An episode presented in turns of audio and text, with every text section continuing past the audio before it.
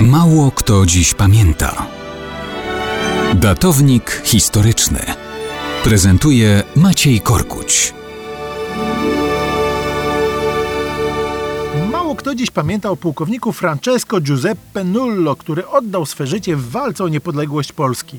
A właśnie 5 maja mija rocznica jego śmierci w boju z Rosjanami. Francesco mógł żyć w spokoju. Jego ojciec był bogatym przedsiębiorcą we włoskim Bergamo, ale mogąc wybrać, wybrał zamiast domu gniazdo na skałach Orła, żeby posłużyć się i w jego przypadku cytatem ze słowackiego wyrytym na wileńskiej płycie epitafijnej marszałka Piłsudskiego i jego matki. Nullo miał 22 lata, kiedy z braćmi uczestniczył w antyaustriackim powstaniu w Mediolanie. Został żołnierzem armii Piemontu, potem przedostał się do Rzymu. Pod rozkazami legendarnego Garibaldiego walczył z Francuzami. Potem mógł wrócić do rodzinnej firmy w Bergamo. Pracował, założył własną spółkę, zdobywał nagrody przemysłowe. Ale kiedy znowu wybuchła wojna Piemontu z Austrią, Francesco Nullo porzuca wygodne życie i już jako 33-letni mężczyzna ponownie staje pod rozkazy Garibaldiego. Odznaczony za odwagę na polu bitwy, prowadzi rekrutację do legendarnej w Italii wyprawy Tysiąca,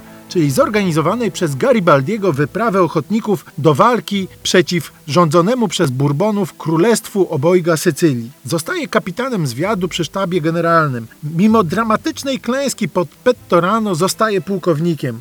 Po różnych przygodach w 1862 roku wraca do Bergamo. Włochy są już prawie zjednoczone, ale Nullo otrzymuje wieści o wybuchu polskiego powstania styczniowego. Wciąż nie ma czterdziestki, kiedy rusza na czele kilkunastu włoskich ochotników do walczącej Polski. Przekracza granicę pod Krzeszowicami na czele polsko-francusko-włoskiego oddziału.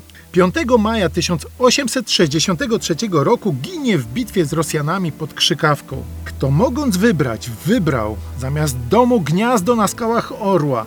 Niech umie spać, gdy źrenice czerwone od gromu i słychać jęk szatanów w sosen szumie. Tak żył z własnego wyboru pułkownik Francesco Giuseppe Nullo.